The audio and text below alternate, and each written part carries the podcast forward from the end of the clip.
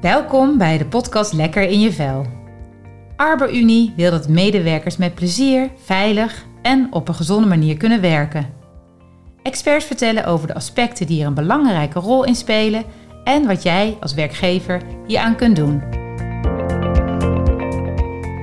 Vandaag ga ik in gesprek met Gertie Buurmans. Zij is bedrijfsmaatschappelijk werker bij ArborUnie en we gaan het hebben over het taboe op financiële zorgen.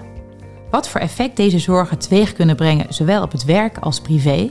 En hoe je dit onderwerp als werkgever bespreekbaar kunt maken. Gertie, welkom in de studio. Dankjewel. Nou, in deze tijd met hoge energierekeningen en inflatie, de kranten staan er vol mee. Hoezo is het dan nog steeds taboe om over je financiële zorg te praten? Ja, er speelt uh, een groot stuk schaamte uh, in dit verhaal. Mensen schamen zich vaak om te praten over uh, hun financiële situatie. En zeker als ze problemen hebben, financiële problemen of zelfs schulden. Ja. Dan vinden mensen dat over het algemeen heel lastig om daarover mee naar buiten te treden. Ja, ik kan me iets bij voorstellen. Maar ja, het is nu zo algemeen een tendens, zeg maar. Iedereen heeft uh, hè, te maken met de hogere kosten overal. Ja, klopt. En je merkt ook dat mensen het best wel durven zeggen nu. Hè, want ik heb ook een ho hele, hele hoge energierekening. Want dat uh, heeft bijna heel Nederland. Dus dat Ja. is nog één ding. Uh, maar om dan daadwerkelijk te zeggen, hey, ik kom nu financieel in de klem, ik heb financiële problemen, dat blijkt toch nog wel uh, wat lastiger te zijn. Ja, of nee te zeggen ook tegen dingen misschien waar je normaal altijd ja tegen zei. Ja, je, ja, sommige mensen moeten nu ook echt wel hun levensstijl aanpassen. Dus inderdaad, dingen die uh, zij gewend waren om te doen, die eigenlijk normaal waren voor hen. Daar moeten ze nu soms concessies in doen. Dus inderdaad, nee zeggen tegen een uitje, nee zeggen tegen een terrasje pakken of uit eten met je vrienden. Dat is best wel lastig om dat ineens te moeten doen. Ja, en dan heb jij het echt over de werkende klasse, Ja. de middeninkomens. Klopt. klopt. Want we horen in de media natuurlijk altijd over de stress hè, die mensen ervaren die echt in armoede leven. Ja. Maar die middeninkomens, hoe groot is het probleem daar eigenlijk?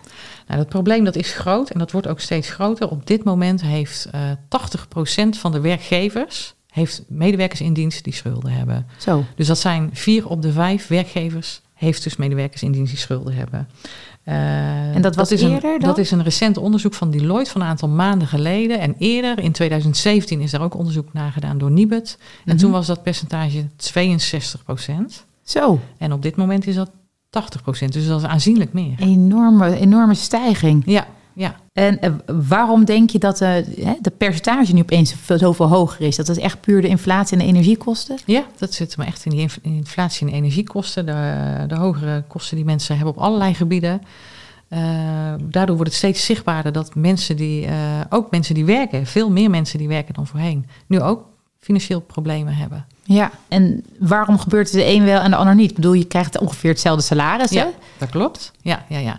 Het is niet alleen een kwestie van uh, inkomen, inkomsten en uitgaven, maar het is uh, heel vaak ook een kwestie van live events, van belangrijke gebeurtenissen in het leven van iemand, ja. uh, die je overkomen, zoals scheiding of zoals verlies van partner of verlies van werk van de partner bijvoorbeeld, waardoor er een inkomensdaling is. Ja, dus er kunnen allerlei onverwachte gebeurtenissen ja, eigenlijk. Allerlei onverwachte gebeurtenissen die op je pad komen, die maken dat je er financieel ineens heel anders voor komt te staan. En dan dat in combinatie met die hoge energieprijzen en al die hoge kosten die we allemaal hebben, maakt dat mensen steeds vaker financieel in de problemen komen. Zo. En um, merk je dat dan in de praktijk hè, als werkgever? Waaraan zie je dat dan? Want ja, ze hebben hetzelfde, hè, dezelfde baan, dezelfde salaris. En waarom zou de een daar misschien wel mee te maken hebben en de ander niet? En hoe kom je daar dan achter? Nou, hoe je erachter komt is uh, door allerlei signalen uh, op te pikken. En die signalen die ik nu ga noemen, die kunnen ook wel du duiden op andere zaken. Maar ze zijn belangrijk genoeg om het gesprek, uh, om het bespreekbaar te maken, naar mijn idee. Verschillende dingen. Dus je ziet dat mensen bijvoorbeeld vragen, hè, plotseling vragen om meer uren te kunnen werken. Of mensen vragen om een voorschot op hun eindejaarsuitkering. Meer uren vinden werkgevers natuurlijk hartstikke fijn nu. Nou ja, soms is dat fijn. En dat, uh, maar het kan ook een signaal zijn, dat hoeft niet. Maar het kan wel een signaal zijn dat mensen dus ja, financieel problemen hebben. Dat ze dat nodig hebben om ja. meer inkomsten te hebben. Dus even moet je vragen van, joh, fijn. Ik vind het heel fijn dat je extra uren wil dragen. Ja. Maar is er iets, is er Ja. iets aan op financieel vlak? Ja, we gaan het denk ik straks nog hebben hè, over hoe, hoe kun je als werkgever dat, eh, dat gesprek aangaan. Maar ik denk dat het in eerste instantie belangrijk is om die signalen te zien. Hè. Dus, dus inderdaad eh, eh, verandering in gedrag als het gaat om ineens vragen om een voorschot of ineens vragen of je vakantiegeld per maand uitbetaald kan worden in plaats van één keer per jaar. Um, maar ook concentratieproblemen, uh, meer stress ervaren, uh, een stukje uh, sociale contacten. Hè? Dus je ziet ook soms dat mensen zich gaan isoleren, minder meegaan met teamuitjes of het lastig vinden om een bijdrage te leveren aan, aan bijvoorbeeld tractaties op het werk of een, of een etentje of wat dan ook. Dus eigenlijk verandering in gedrag, dat is vooral wat je ziet uh, bij werknemers, wat een signaal zou kunnen zijn ja. voor financiële problemen. En dat kan aanleiding zijn om een gesprek daarover aan te gaan. En dan moet je wel weten hoe het gedrag eerst was, hè? Ja, dat klopt. Ja, dus daarom is het ook denk ik belangrijk hè, als werkgever dat je weet wie je werknemers zijn. Dat je weet uh, ja, hoe iemand in elkaar steekt. En dat je dus ook regelmatig gesprekken hebt met je werknemers. Ja, hoe, ga, hoe, hoe zit je in je vel? Ja, ja, ja. ja, ja, En uh, ik begreep ook hè, dat je door die stress ook extra fouten kunt maken hè, op het werk. Dat je daar misschien ook een. Dat klopt. Uh, er is heel veel onderzoek uh, gedaan. Er is ook een, een heel mooi boek over. dat heet Schaarste. En daarin geven de twee auteurs die dat boek hebben geschreven, twee wetenschappers, die hebben heel veel onderzoek gedaan naar chronische stress. Wat voor effect kan chronische stress hebben op mensen? Gaat het dan specifiek over financiële stress? Of?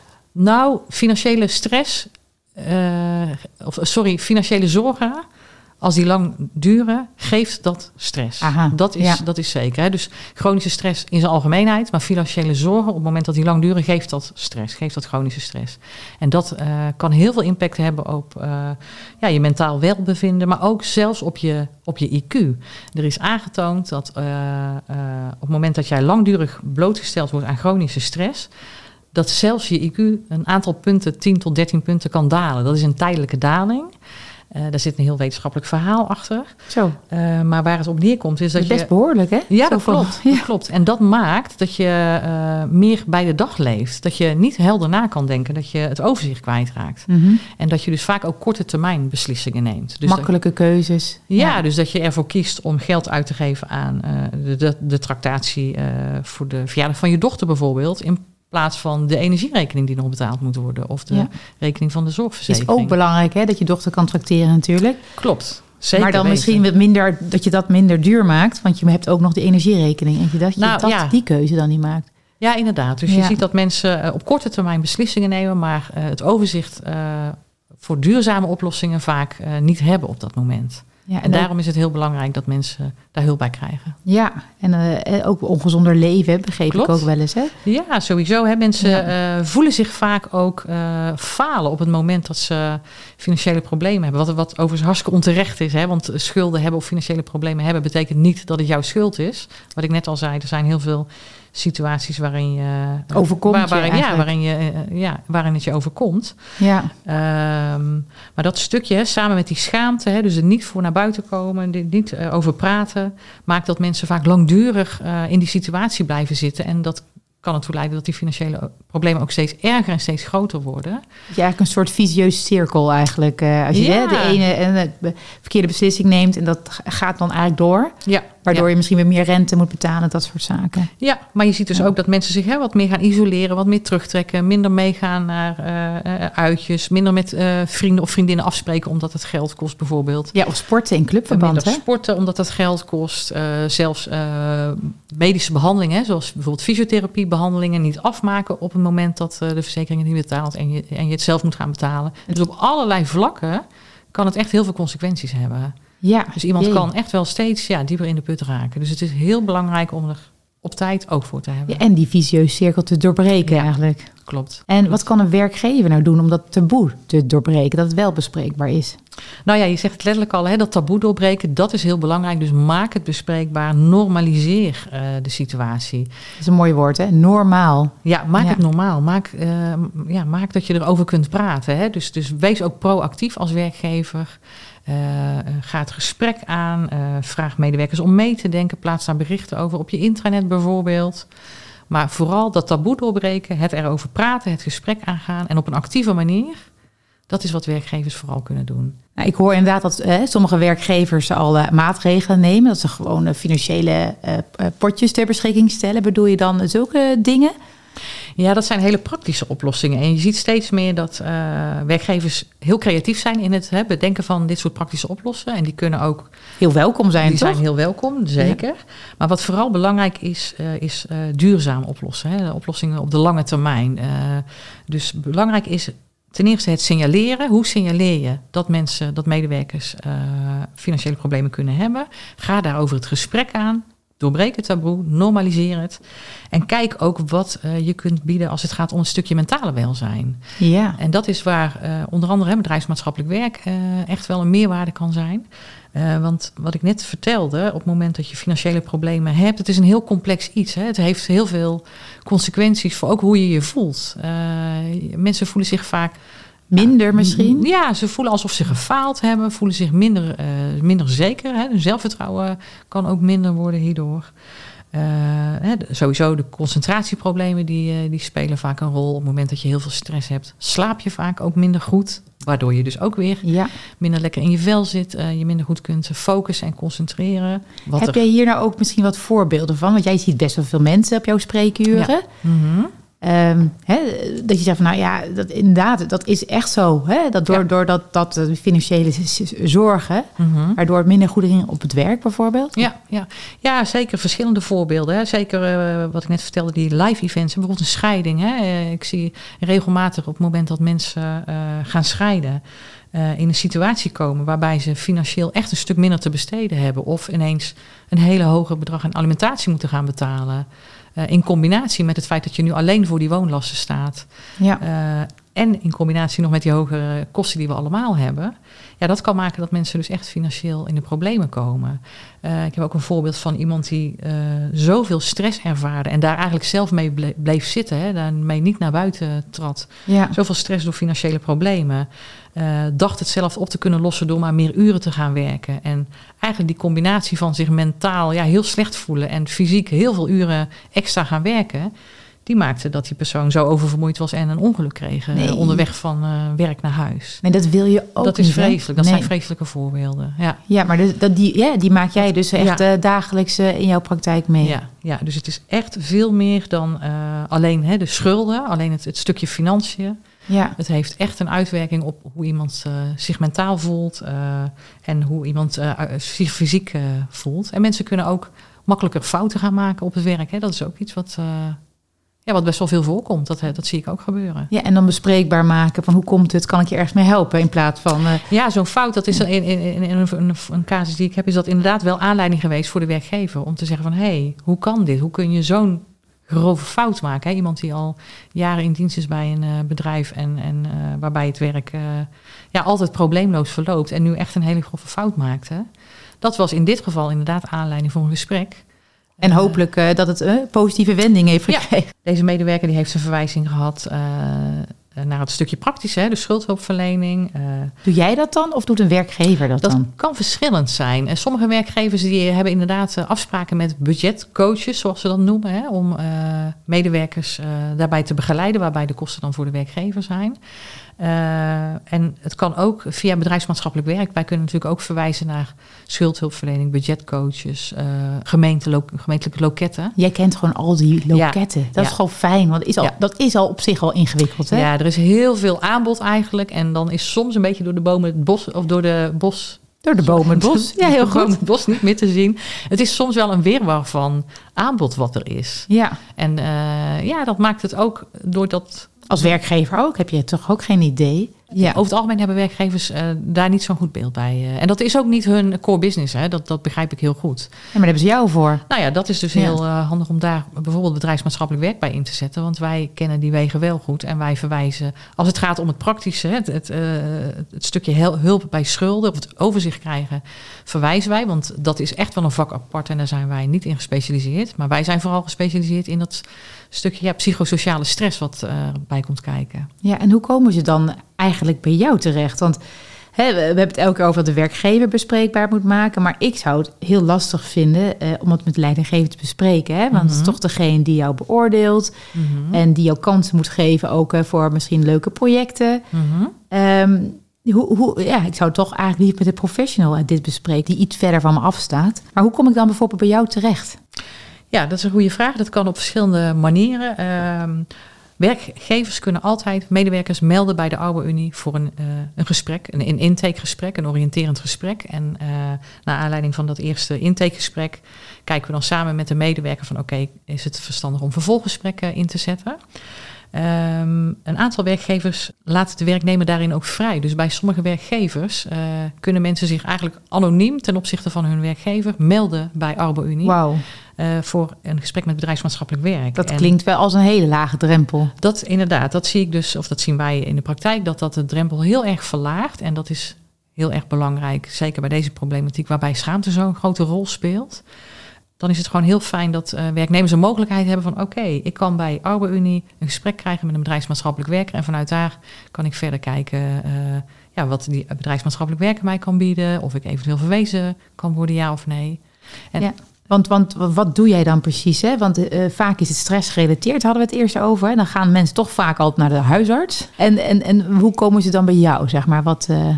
Nou, vooral doordat de werkgever daar ook bekendheid aan geeft. Als de werkgever ook dat weer hè, normaliseert, ga ik dat woord weer gebruiken. Als de werkgever daar ook uh, ja, open over is op, op, op hun intranet bijvoorbeeld. Van hey, je kunt je melden bij bedrijfsmaatschappelijk werk.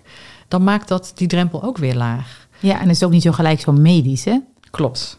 Klopt, inderdaad. Want ja. jij kijkt naar het geheel, hè? Naar het, ja, uh... ja, en ik denk, mensen nemen zichzelf altijd mee. Hè? Dus uh, ook hun privéleven, dat uh, heeft effect op, op de werkvloer. Dat zie je juist ook bij financiële problemen. Hè? Door, door, door die complexiteit van mentale en fysieke problemen. Hè? Je ziet dat mensen met financiële problemen ook meer ziek zijn. Hè? Dat gemiddeld zeven dagen, extra dagen per jaar. Dat zeven even, dagen? Ja, ja, dat er extra verzuim is gemiddeld. Uh, dat is voor de werkgever best een grote kostenpost. Ja, daar, ook daarin uh, is onderzoek gedaan, ook door Nibud. Een aantal jaar geleden al uh, kwam daaruit dat medewerker met financiële problemen kan een werkgever 13.000 euro per jaar kosten. Zo. En dat zit hem een stukje in inderdaad minder, minder productief zijn. Hè, doordat je met je hoofd er niet goed bij bent, zeg maar. Doordat je niet goed kunt concentreren. Zo. Dat ja. zit hem in dat stukje verzuim. Hè, die gemiddeld zeven dagen extra verzuim per jaar door die stress. Ja. En dat kan hem ook zitten in een stukje uh, loonbeslag, hè, wat, wat bij sommige mensen speelt. Ja, daar moet bijvoorbeeld een HR-medewerker moet daar ook uh, wat, uh, met, met, die heeft daar ook werk aan en dat, dat kost ook geld. Ja, alles bij elkaar. Alles bij elkaar genomen kan het een werkgever 13.000 euro per jaar kosten. Ja, dus en dan ben je nog niet eens geholpen. Dus je kunt beter die 13.000 euro inzetten om die persoon Zeker. uit die vicieuze cirkel te halen. Klopt. En duurzaam uh, een oplossing en mee samen ja. te bieden. Ja, klopt. Maar dan oplossing zelf, ja, jij bent natuurlijk geen financiële coach, maar nee. wat doe jij dan precies, zeg maar, hè, als bedrijfsmaatschappelijke werker met die persoon? Ja, nou wij kijken dus inderdaad naar het geheel. Hè. Hoe uh, uh, is de thuissituatie, hoe is de werksituatie, hoe is de financiële situatie, hoe is de fysieke situatie? Uh, en als het gaat om inderdaad financiële problemen of schulden, dan verwijzen we naar de geëigende schuld, uh, ja, hulpverlening. Hè, die naar het juiste loket, hè? Dan weet je precies loket. waar ze moeten zijn. Ja, ja, ja. en het stukje psychosociale stress, dat is vooral waar wij uh, aan bod komen. Hè? Dus hoe kun je zorgen dat iemand weer... Psychosociale stress, ja? Ja, hoe kun je zorgen dat iemand weer lekker in zijn vel komt te zitten? Hoe kun je zorgen dat iemand zich mentaal weer weerbaarder voelt? Dat hij... ook nee durft te zeggen. Ook nee durft te zeggen, zijn, zijn of haar grenzen aan durft te geven, zeker. Dat ja. zijn eigenlijk de, de stukken waar wij heel erg naar kijken. En ook dat, het, hè, dat ze niet minder zijn omdat ze nu eventjes financieel moeilijk zitten. Klopt, helemaal. Ja, ja. ook dat stukje zelfvertrouwen ja, weer op, op peil krijgen, zeg maar. Ja. En dat doen jullie door middel van gesprekken? Of hoe, uh... Ja, over het algemeen zijn dat gesprekken. En dat kunnen, nou ja, korte trajecten zijn. Hè. Dat kunnen uh, een paar gesprekken zijn. Dat kan soms ook wat langduriger zijn. Wat ik net zei, die financiële problemen ontstaan vaak ook door die live events. Dus ja. daar zit ook een heel stukje ja, stress en, en, en, en beleving bij. Dus ook daar gaan we natuurlijk naar kijken. Van hoe ervaar je dat? En hoe kun je zorgen dat je daaruit weer uh, ja, sterker nou, komt. Ja, dat is natuurlijk een tijdelijke situatie soms, hè? Klopt. Of klopt, ja, waar, waar, je in moet, in moet, jezelf in moet vinden, dat bedoel ik eigenlijk, hè? Als je partner uitvalt ja. of iets dergelijks. Ja, klopt. Ja. Ja, ja, ja, ja, En dan kun je dan bij helpen om dat dan weer sterker in te worden. Ja, klopt. Ja. Knap, een belangrijke rol die jij vervult. Ja, zeker belangrijk, ja. Ja, en, en wat zou je dan nog mee willen geven aan werkgevers die dit luisteren? Nou, vooral werkgevers signaleren, let goed op, zie je gedragsverandering bij je werknemers, uh, zie je bijzonderheden, ga het gesprek aan, normaliseer dit onderwerp, wees proactief. Dus wacht ook niet tot een werknemer naar jou komt. Want dat doen werknemers niet, want werknemers schamen, hè, mensen schamen zich over het algemeen. Dus wees proactief, vraag ernaar.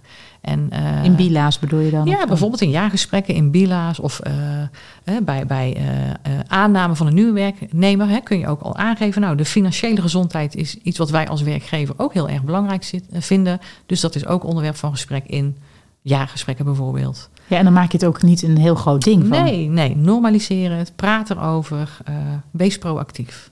Nou, dat is een mooie samenvatting, denk ik, van dit hele gesprek. Ik wil je hartelijk bedanken voor het gesprek. Dankjewel. Heel graag gedaan. Ook bedankt.